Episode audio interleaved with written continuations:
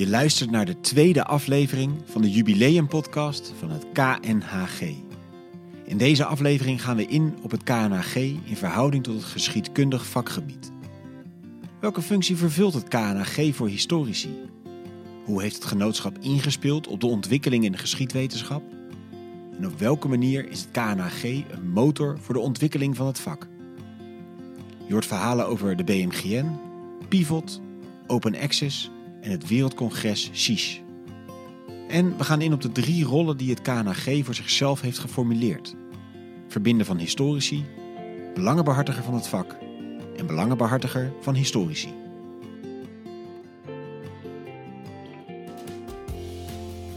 Ik ben Suzanne Lejeune. Ik ben voorzitter geweest van KNHG en op dit moment decaan van de faculteit Geesteswetenschappen van de VU. Ik denk dat voor de oude generatie was het KNHG een plek waar ze elkaar regelmatig konden ontmoeten. En regelmatig was niet overdreven vaak, hè. dat was op uh, congressen, jaarcongres. Uh, en het was een heel belangrijk instrument uh, omdat ze de BMGN kregen. Dus het tijdschrift was, was belangrijk. En dat zei Leen en al. Hè. De tijdschrift is de motor van de beweging. Ik ben Gees van der Plaat. Vanaf 1970 ben ik directeur van het uh, NHG. En dat ben ik gebleven tot uh, eind 2007. Ik heb tijdschrift altijd als de speel, als de centrale taak van het genootschap gezien. En ik heb het als mijn opdracht gezien een kwaliteitstijdschrift te maken dat toegankelijk is voor alle historici. Ik ben Lex van Vos. Ik ben directeur van het Huygens Instituut voor Nederlandse Geschiedenis en een dag in de week hoogleraar aan de Universiteit Utrecht. Maarten van Rossum heeft wel eens uh, de Nederlandse geschiedschrijving gekenschetst door te zeggen dat niemand, uh, als het tijdschrift voor geschiedenis of de BMGN in de bus viel, dat openscheurde en meteen ging kijken wat daarin stond. Ja, misschien was ik dan ontzettend braaf. Zo was ik wel. Ik las en lees uh, die boekbesprekingen, omdat ik wil weten wat er in mijn vak van allerlei nieuwe literatuur gevonden wordt. Ik ben Dirk-Jan Wolfram. Ik ben uh, hoogleraar politieke geschiedenis aan de Rijksuniversiteit Groningen en voorzitter van de redactie van de BMGN. Uh, de BMGN is een wetenschappelijk tijdschrift. Het is een, een, heel oud tijdschrift. Het is, nou ja, het is in, de huidige vorm de, voortgekomen de fusie van een aantal oudere tijdschriften. Uh, het begint al in de 19e eeuw. Uh, we zitten dus nu in de 135ste jaargang van het blad en zijn voorgangers. het heeft dus ook iets, heeft iets eerbiedwaardig, die BMG nog steeds. Mijn naam is Tessa Lobbes. Ik ben managing editor van BMGN en ik werk sinds 2018 bij BMGN. Um, ja, BMGN is um, ja, een gerenommeerd tijdschrift voor de geschiedenis van de Lage Landen en um, ook als Belg. Uh, ik ben werkzaam geweest in Leuven, maar ook in Nederland. Maar ook toen ik nog in België werkte, uh, was BMGN ook wel een tijdschrift met veel faam. En dus het is echt wel een, een, een, forum waarin het heel nastrevenswaardig is om erin te publiceren. Dus um, ik denk dat iedere gepromoveerde of promoverende AIO, dat die dat ook, dat velen dat proberen. Um, dus in die zin um, had het voor mij ook al een heel belangrijke reputatie in het vakgebied. En tegelijkertijd, en dat is merkwaardig, uh, ook het een blad is dat het blad is van het KNHG, van het Koninklijk Nederlands Historisch Genootschap.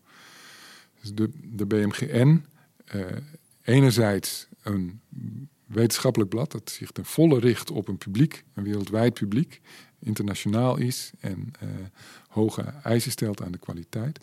Uh, en tegelijkertijd een blad is dat ja, geëxporteerd wordt en ook de, het visitekaartje is van het, van het KNHG. Als we kijken naar de fysieke vormgeving van de BMGN, dan is er veel veranderd in de afgelopen 25 jaar.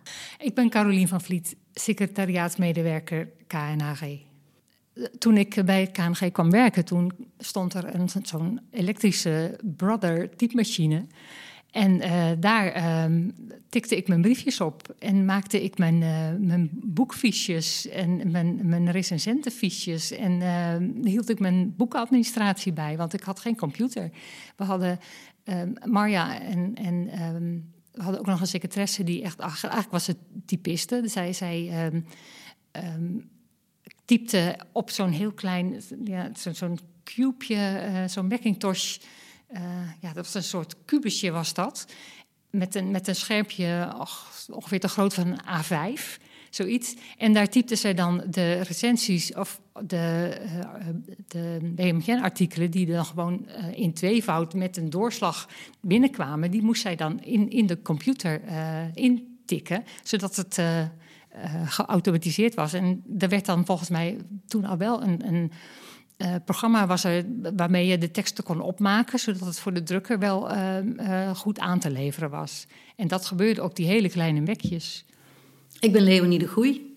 Ik ben directeur geweest van het KNG van 2008 tot 2017. Ik denk dat de eerste grote klus waar we aan gewerkt hebben. Toen ik kwam waren er drie vaste medewerkers bij het bureau en die waren heel erg goed ingewerkt. Dus daar had ik ontzettend veel geluk bij.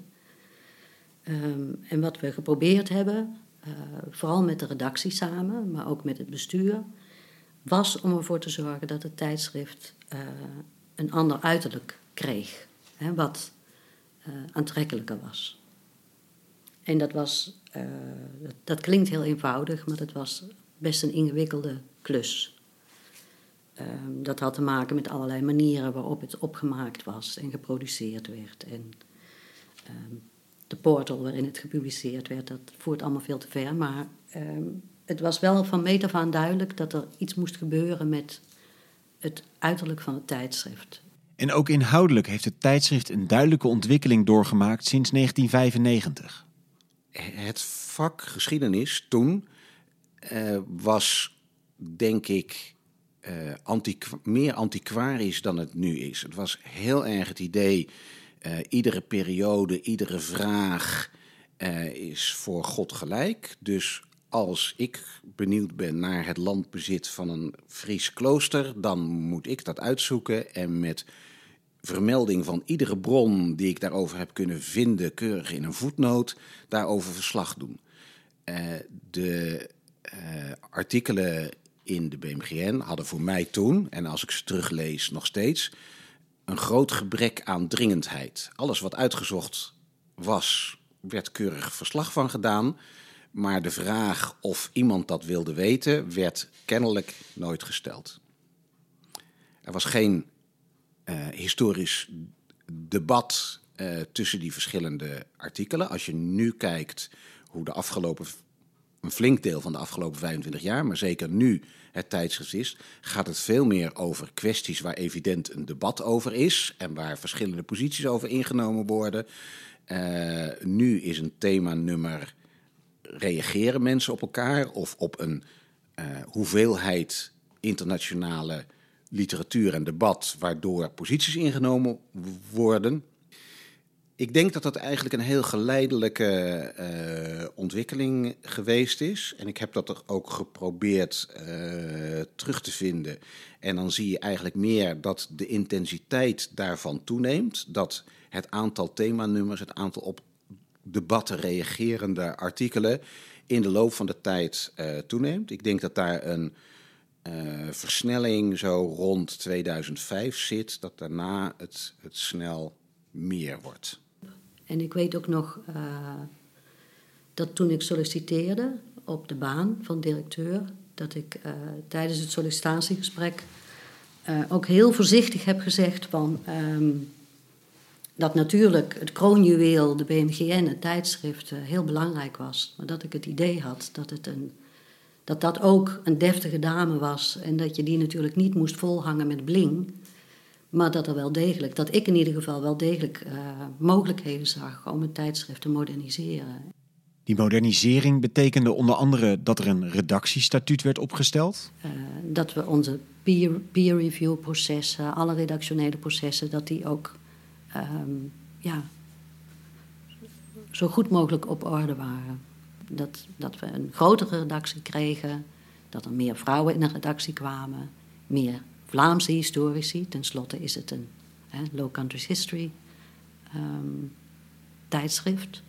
Nou in het vakgebied, als we dan even kijken naar de geschiedenis van de Lage Landen, um, zou je kunnen zeggen dat BMGN het, het, een, een, breed georiënteerd tijdschrift is. En het, gaat, het handelt over de geschiedenis vanaf de middeleeuwen tot heden. Um, en dus niet alleen een specifiek tijdvak, maar dus uh, longue durée, om het zo te zeggen.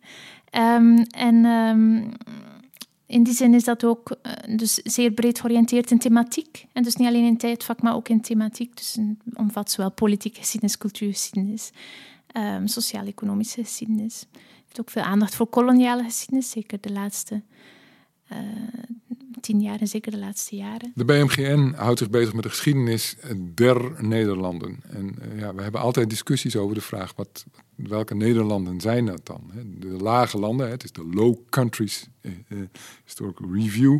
Ehm, dat concept lage landen, dat is iets wat we, waar we wel heel erg mee bezig zijn. Want het is wel iets waar we wat we toch echt serieus nemen.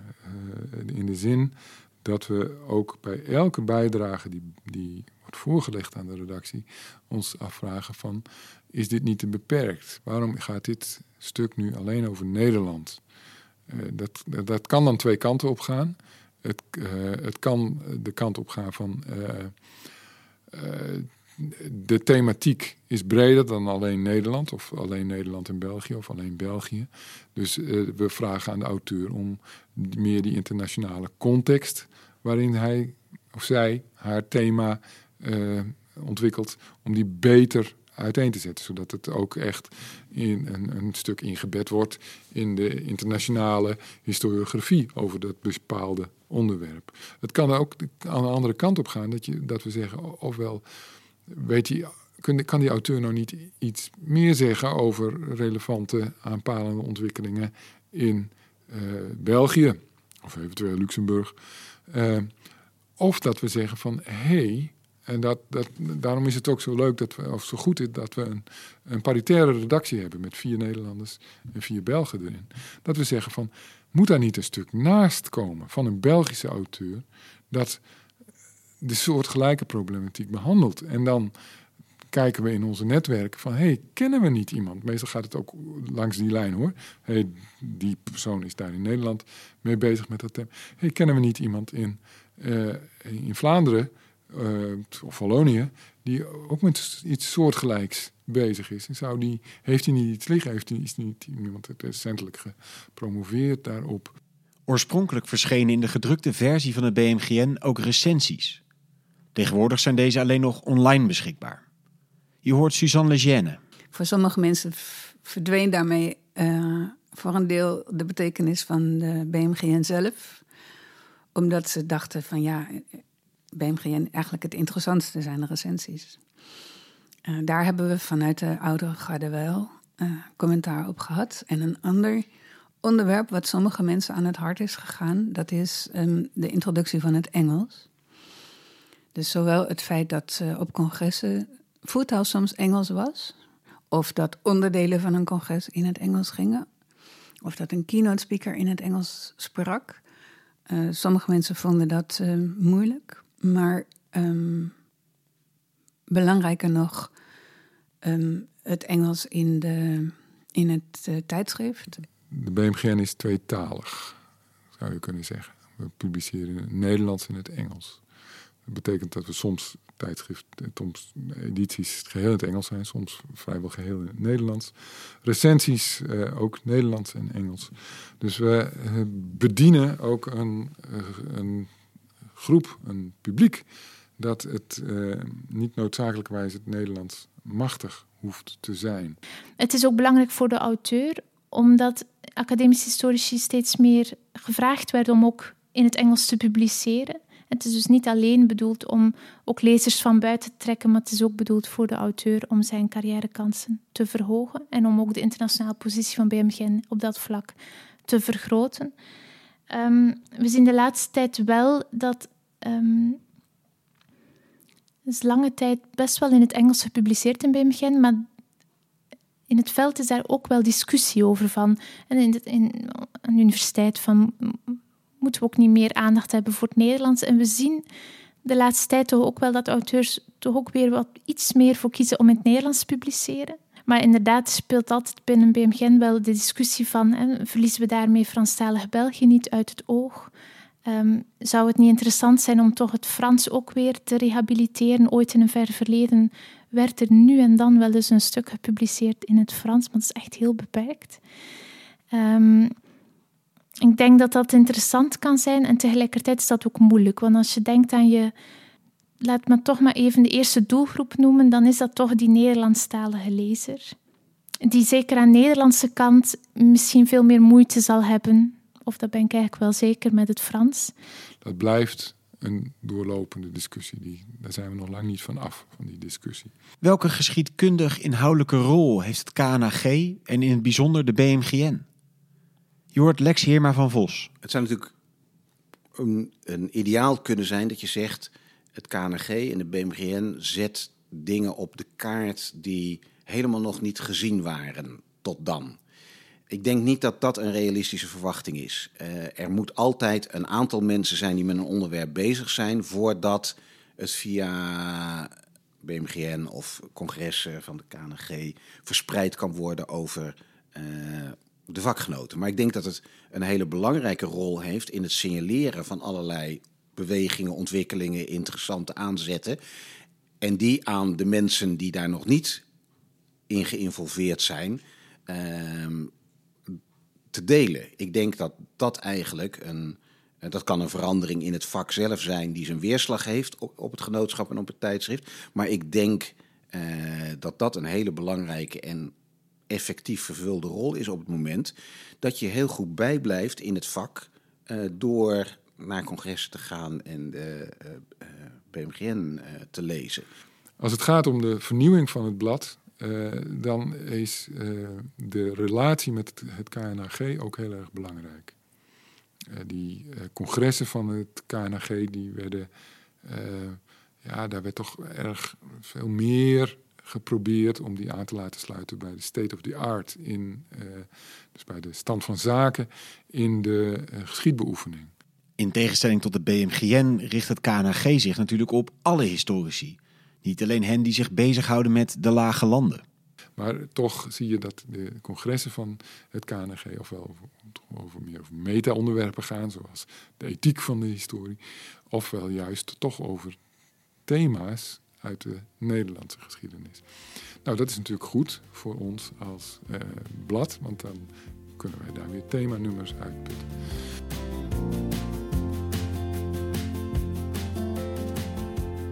Wat betreft de inhoud zijn de congressen in de loop van de afgelopen 25 jaar minder specialistisch geworden.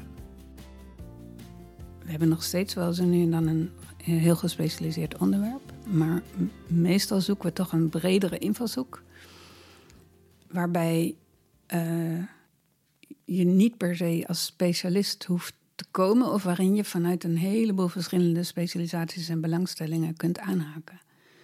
Dit, het onderwerp over de beroepsethiek, of het onderwerp over um, historische uh, betekenis van voorwerpen. Dat soort, dat soort brede thema's, het, congres denkend aan Nederland mijn naam is Antje Wiersma, ik ben directeur van het bureau van het KNAG. We hadden een groot congres in het uh, Openluchtmuseum in Arnhem. Denkend aan Nederland was de titel van, uh, van dat congres. Het was uh, een congres naar aanleiding van de kort daarvoor geopende tentoonstelling, de Canon tentoonstelling in het Openluchtmuseum. En het was een congres waar we heel breed gekeken hebben met alle achterbannen, alle, alle doelgroepen van het KNG gekeken hebben naar die tentoonstelling en daarover gedebatteerd. En bovendien ook vaker de vorm dat mensen zelf konden aanmelden om papers te presenteren. Dus niet louter de specialisten vragen om op dit of dat onderwerp hun zegje te komen doen, maar echt proberen om input uit de achterban te halen en mensen te laten presenteren. Een ander voorbeeld was Digital History. We hebben daar een congres over gehouden. Een heel mooi themanummer over Digital History. En daar hebben we, en dat is denk ik ook een thema wat ik nog even wil toelichten. We hebben daar ook het eerste THED-camp in Nederland over georganiseerd. The Humanities and Technology Camp. Dat is dus een heel laagdrempelig congresvorm. Um, maar dat deden we samen met het, uh, het Huygens Instituut voor Nederlandse Geschiedenis. Ik had heel vaak het idee, ja, het KNG is, is natuurlijk uh, een belangrijke vereniging, maar is een kleine vereniging. En we moeten absoluut samenwerking zoeken. Uh, we kunnen mooie grote plannen alleen maar realiseren als we partners hebben. En we hadden uh, gastvrijheid binnen het Instituut voor uh, Nederlandse Geschiedenis. En uh, vervolgens het Huygens Instituut voor Nederlandse Geschiedenis. En daarna natuurlijk het, het um, Humanities Cluster van de KNW. Ehm, wat we deden was zeker ook op het terrein van het digitale. en dat is dus ook letterlijk want we hebben samen met het Huygens ING uh, historici.nl ontwikkeld. En dat was ook weer zo'n voorbeeld van, kijk, je hebt leden als vereniging, maar je wilt voor een veel grotere groep uh, werken. En zorgen dat mensen betrokken raken. En dat ging natuurlijk bij zo'n website heel erg goed. We hadden daar ontzettende ambitieuze plannen mee. Uh, we wilden daar alle digitale bronnen op. We wilden discussie organiseren. We wilden dat mensen daar zelf groepen starten over allerlei belangrijke dingen. Uh, het is minder ambitieus uh, geworden uiteindelijk, omdat het toch heel moeilijk is om mensen op die manier uh, te betrekken. Maar we hebben vrij snel, en dat was echt heel succesvol, een, een netwerk van correspondenten verbonden aan de website. En dat waren dus mensen door heel Nederland in alle subdisciplines van de geschiedenis. Uh, jonge historici, ook ervaren historici, uh, vrouwen en mannen. Um, op een gegeven moment denk ik wel een stuk of vijftien hele actieve uh, correspondenten die regelmatig schreven over wat er in hun specifieke werk of in hun onderzoek um, gebeurde. En dat, was, uh, ja, dat, dat uh, heeft heel erg goed gewerkt. Historici.nl wordt opgericht in 2011 en biedt nieuws, informatie en inspiratie voor iedereen met een serieuze interesse in de Nederlandse geschiedenis. Dat sluit ook aan op de rol van het KNAG als verbinder van historici. Niet alleen van individuele historici, maar ook van verschillende vakgebieden en professies. In de vorige aflevering hoorde je al over de historici dagen en de geschiedenisdagen, die hier ook een goed voorbeeld van zijn. Het genootschap verbindt historici die in de meest uiteenlopende beroepen werkzaam zijn. De onderzoekers, docenten werkzaam in de academische wereld, het voortgezet onderwijs, archieven, musea en erfgoedinstellingen. En het speelt een belangrijke rol in het toegankelijk maken, het vertalen van de resultaten van de wetenschap naar het basis, het voortgezet onderwijs, de archieven, musea en die instellingen en de politiek en de maatschappij. Ik ben Martine Goslink, directeur van het Mauritshuis en bestuurslid van het KNG. Wat het KNG heeft aan de inbreng van de museale wereld is het feit dat die musea vertolken een, een, een, uh, belangrijk onderdeel. Die, die musea zijn verbindende factoren in de maatschappij.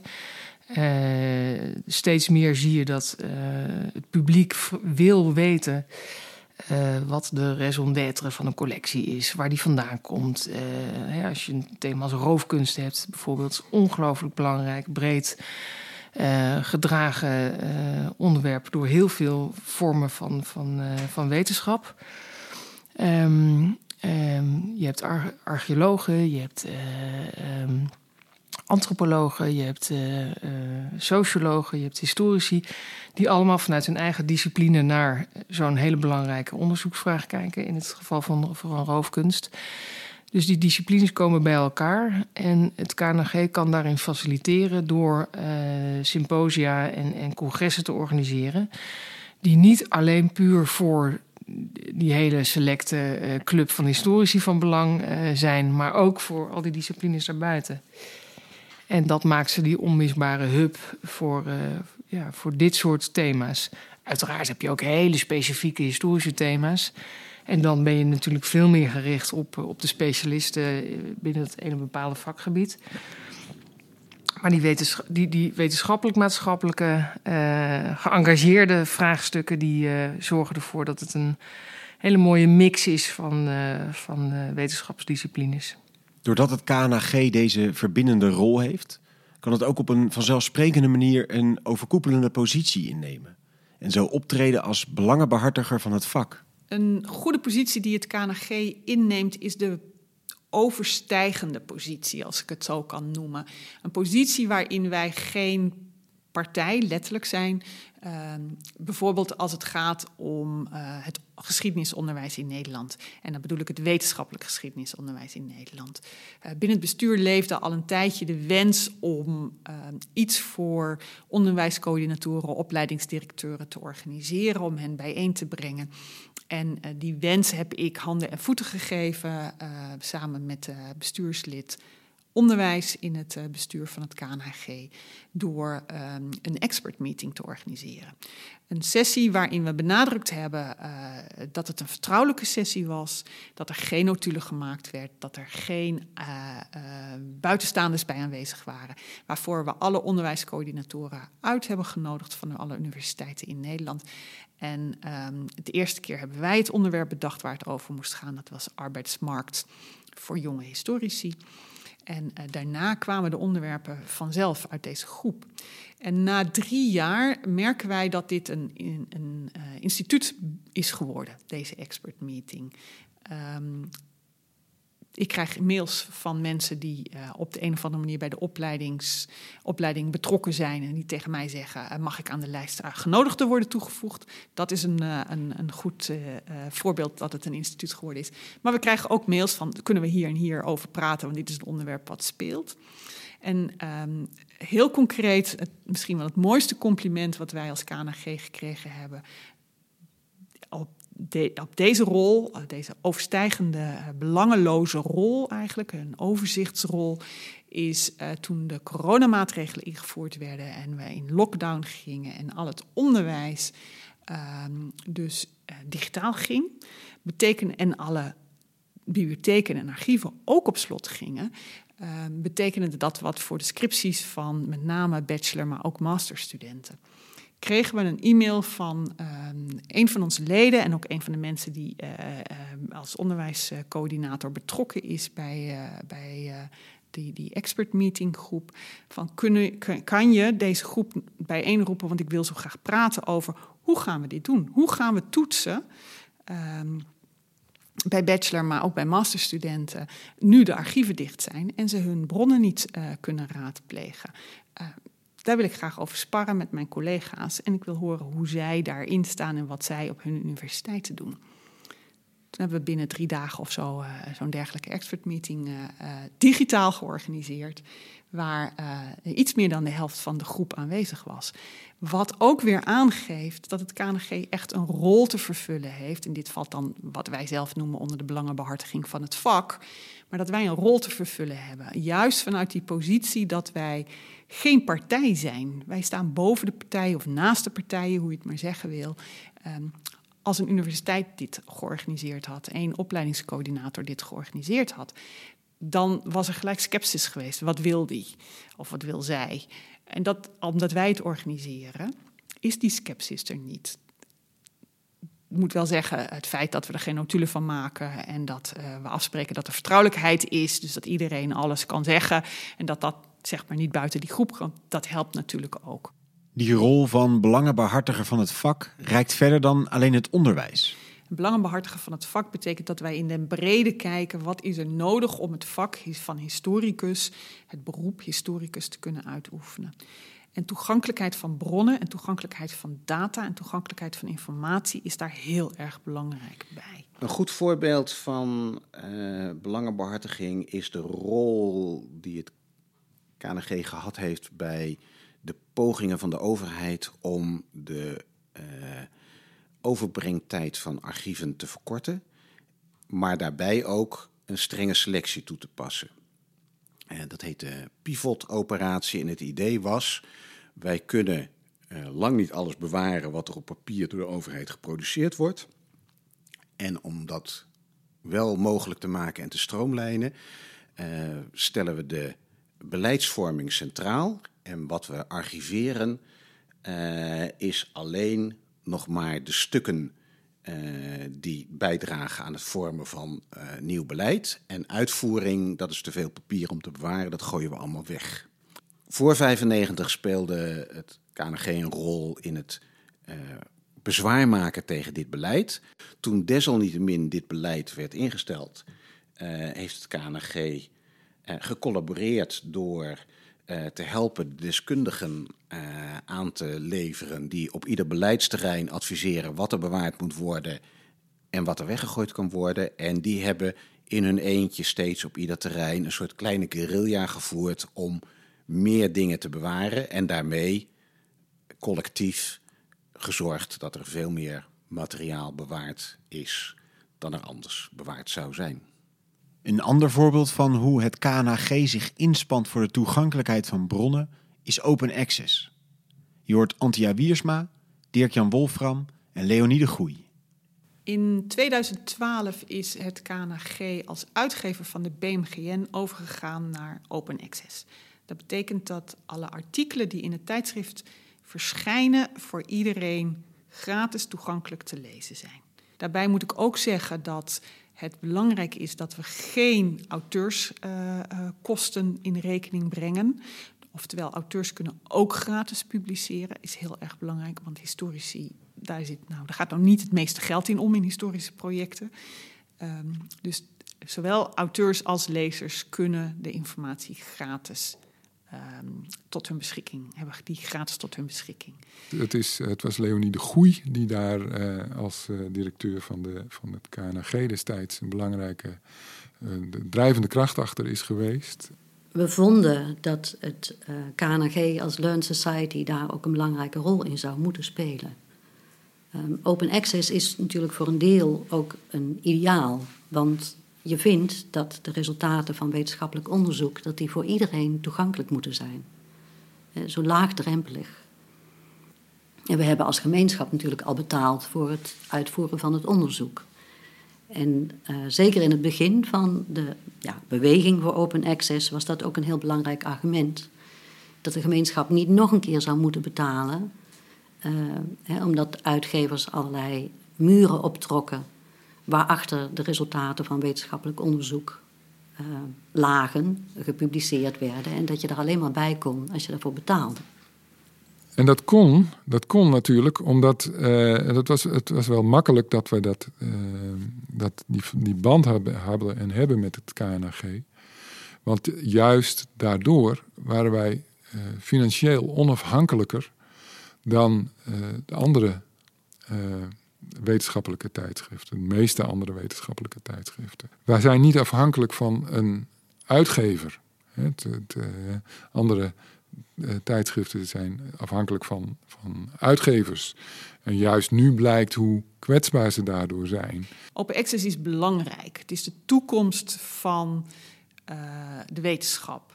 Um, het is onderdeel van open science, dus waar, dat is breder dan alleen maar het eindproduct. Dat is bijvoorbeeld ook de onderliggende data, die moet dan uh, raadpleegbaar zijn voor iedereen.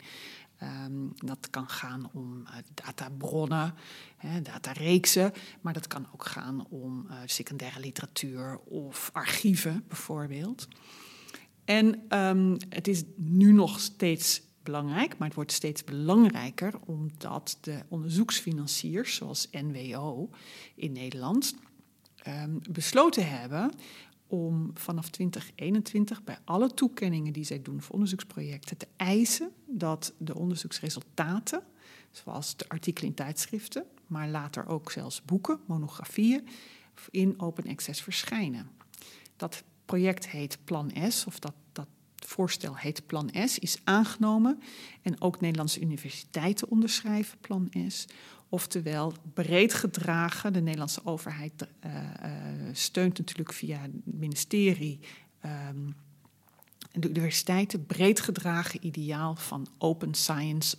En open access is dus het, de toegang tot de open informatie, wetenschappelijke informatie. Plan S is bedoeld om de macht van grote uitgevers te breken. Dat speelt zich vooral in de, eh, in de beta-wetenschappen speelt dat heel erg. We kennen allemaal de grote uitgeversnamen en de tijdschriften. En dan moet je ook een grote zak met geld meegeven. 2 tot, tot 5000 euro soms wel om een artikel gepubliceerd te krijgen. Nou, die beweging vinden wij um, natuurlijk zorgwekkend. Als je staat voor uh, toegankelijkheid van bronnen en toegankelijkheid van informatie, dan moet je geen drempels opwerpen. Dit is een enorme drempel. Het zegt namelijk ook wat over de kwaliteit. Um, dus wij vinden het echt belangrijk om uh, als, als belangenbehartiger van het vak om te pleiten voor open access. Daarom zijn wij als KNG ook een van de initiatiefnemende partijen uh, om te komen tot een nieuw tijdschriftenplatform voor geesteswetenschappelijke en sociaal-wetenschappelijke tijdschriften. Dat tijdschriftenplatform openjournals.nl hebben wij een voorstel voor geschreven. Ik ben als directeur van het bureau daar heel nauw bij betrokken geweest.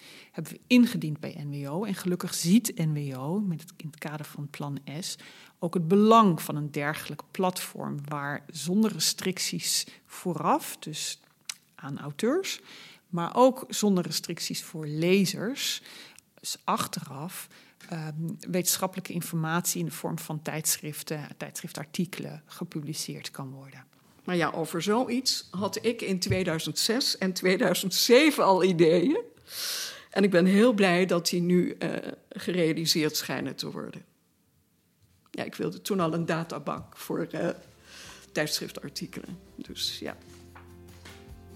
Ja, dus dit is mij uit het hart gegrepen.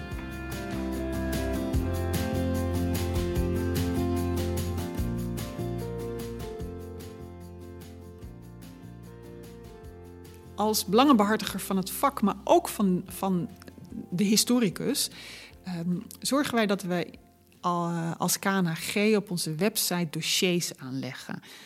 En um, die, is, die informatie is gewoon toegankelijk voor iedereen die de website bezoekt, dus niet alleen voor leden. Um, we hebben bijvoorbeeld een heel uitgebreid dossier over de beroepsethiek aangelegd, waar alle stukken terug te vinden zijn die die werkgroep heeft, uh, heeft verzameld en heeft, uh, zelf heeft geschreven. Maar we hebben ook over open access publiceren en Plan S een heel dossier aangelegd omdat we merken dat uh, heel veel historici er wel van gehoord hebben, uh, maar niet de tijd hebben om uh, het zelf allemaal te gaan uitpluizen. Dus wij brengen de informatie bij één. We produceren het niet allemaal zelf, maar we brengen de informatie bij één die relevant is um, voor historici. En of dat nu is een wetenschappelijk academicus, een wetenschappelijk historicus, dus een academicus, of uh, iemand die uh, met open data werkt in een archief bijvoorbeeld. De informatie kunnen ze in de dossiers op onze website vinden. Een andere ontwikkeling die we zien de laatste jaren, twee, drie jaar, is dat de journalisten ons weten te vinden. Niet zozeer om ons te interviewen als KNG en de mening van het KNG te krijgen over een bepaald onderwerp, maar vooral om um, ons als een soort van makelaar in te schakelen. Wij hebben het overzicht van historici. En dan krijg ik mails met de vraag van, kan je me namen aanleveren over orangisten? Of uh, weet je iets over katholieken, in, weet je mensen, historici die kunnen praten over uh, uh, wederdopers of katholieken in de 17e eeuw. Um, en die vraag gaat soms nog wel verder. Dan uh, wordt daar ook een opdracht bij gegeven dat het vooral vrouwen moeten zijn, of vooral jonge historici moeten zijn, of als het kan, historici van kleur moeten zijn. Um, dus het, het, wij hebben geen belang bij eh, één universiteit naar voren schuiven. Dus wij kijken heel breed. We kijken in ons eigen bestand. Uh, we kijken naar de auteurs die bij de BMGN leveren. Um, en we kijken ook over de grenzen heen. We leveren ook uh, namen aan van historici als ze relevant zijn en, en, kennis van zaken hebben, die bijvoorbeeld in Vlaanderen zitten of in Amerika werkzaam zijn. Zodat dat diverse veld ook uh, zichtbaar wordt, uh, letterlijk en figuurlijk zichtbaar wordt. Tot slot heeft het KNHG ook een rol als verbindende schakel naar andere internationale verbanden van historici. Zo is het KNHG lid van het CIS, le Comité International de Sciences Historiques. Dit comité organiseert eens in de vijf jaar een groot congres. Ik heb na mijn officiële vertrek bij het genootschap nog drie jaar voor het Wereldcongres van het CIS gewerkt dat in 2010 door het KNG in Amsterdam werd georganiseerd door een comité onder leiding van Hans Blom. dat ja, was een, eigenlijk een samenwerkingsverband ook met andere ehm, organisaties zoals ISG. Ehm, volgens mij is de Universiteit van Amsterdam er ook heel erg bij betrokken.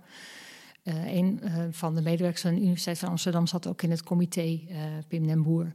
Het CIS congres was een hele inspirerende week. Waar op een middag en avond de prins van Oranje weer acte de présence gaf en aanschoof. Ja, en dat was natuurlijk een enorme happening ehm, in Amsterdam. Um, ik weet dat, dat het, het was heel erg slecht weer die dagen. Het heeft heel veel geregend, maar het was wel ontzettend uh, leuk. Door heel Amsterdam stonden overal beachvlaggen en, en uh, mensen in rode t-shirts die iedereen de weg moesten wijzen van locatie A naar locatie B. En Um, wat ik me ook nog heel goed um, herinner, wat erg leuk was, dat was het Holland History House. Dat werd opgezet door uh, Jouke. Of die had het mede georganiseerd.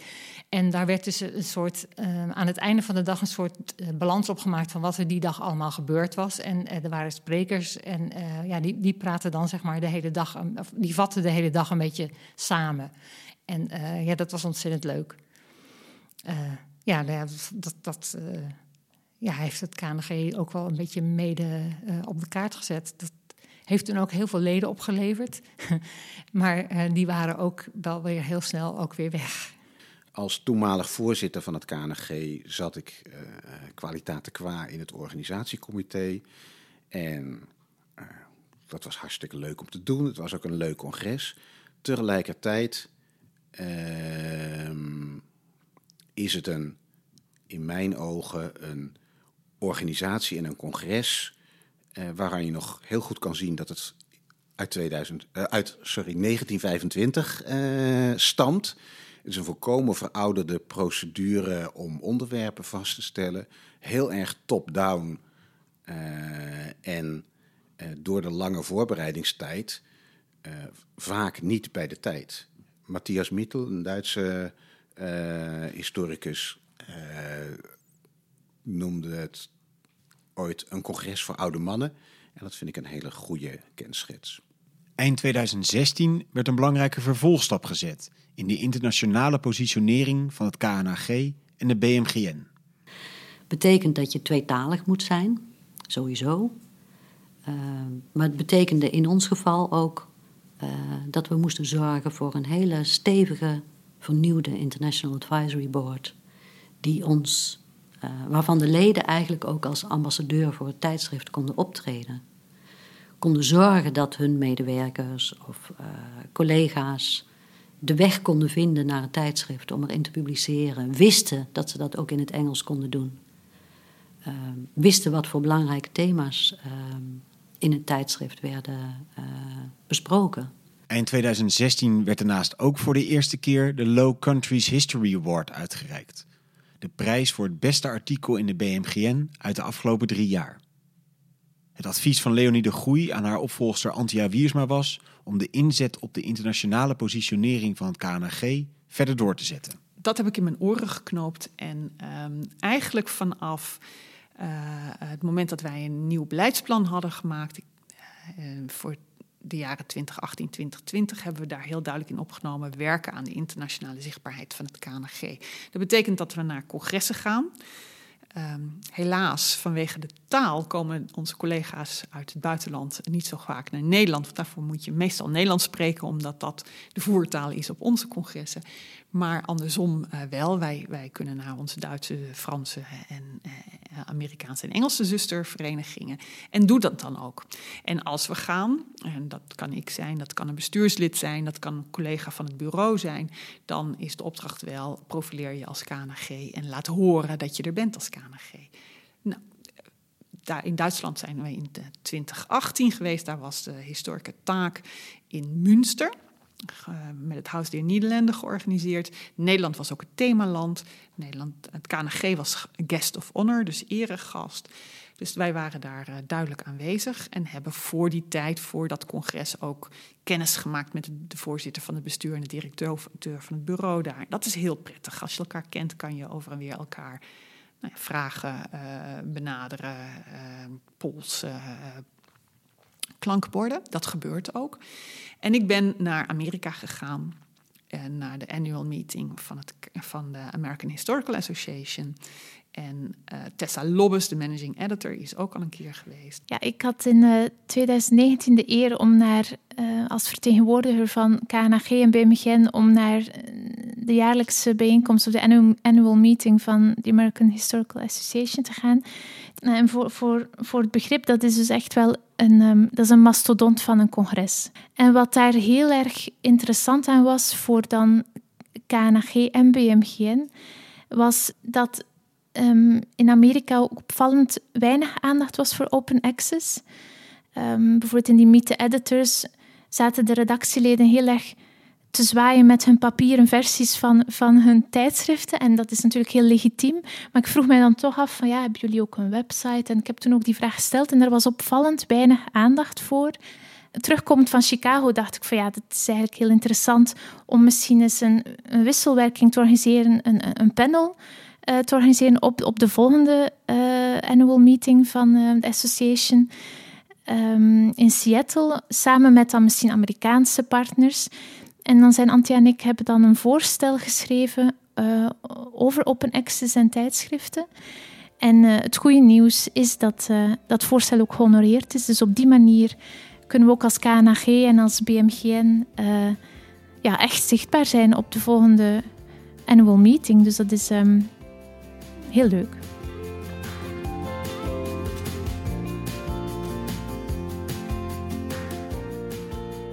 Een groot onderwerp dat we hebben laten liggen deze aflevering, maar dat wel al een paar keer is genoemd, is beroepsethiek. In de volgende aflevering gaan we in op de discussies die over dit onderwerp gevoerd zijn en kijken we breder naar de vraag hoe het KNAG zich verhoudt tot de samenleving. Deze podcast kwam tot stand in opdracht van het KNAG. De interviews, de montage en de mixage werden gedaan door mij, Allard Amelink van 3A3D.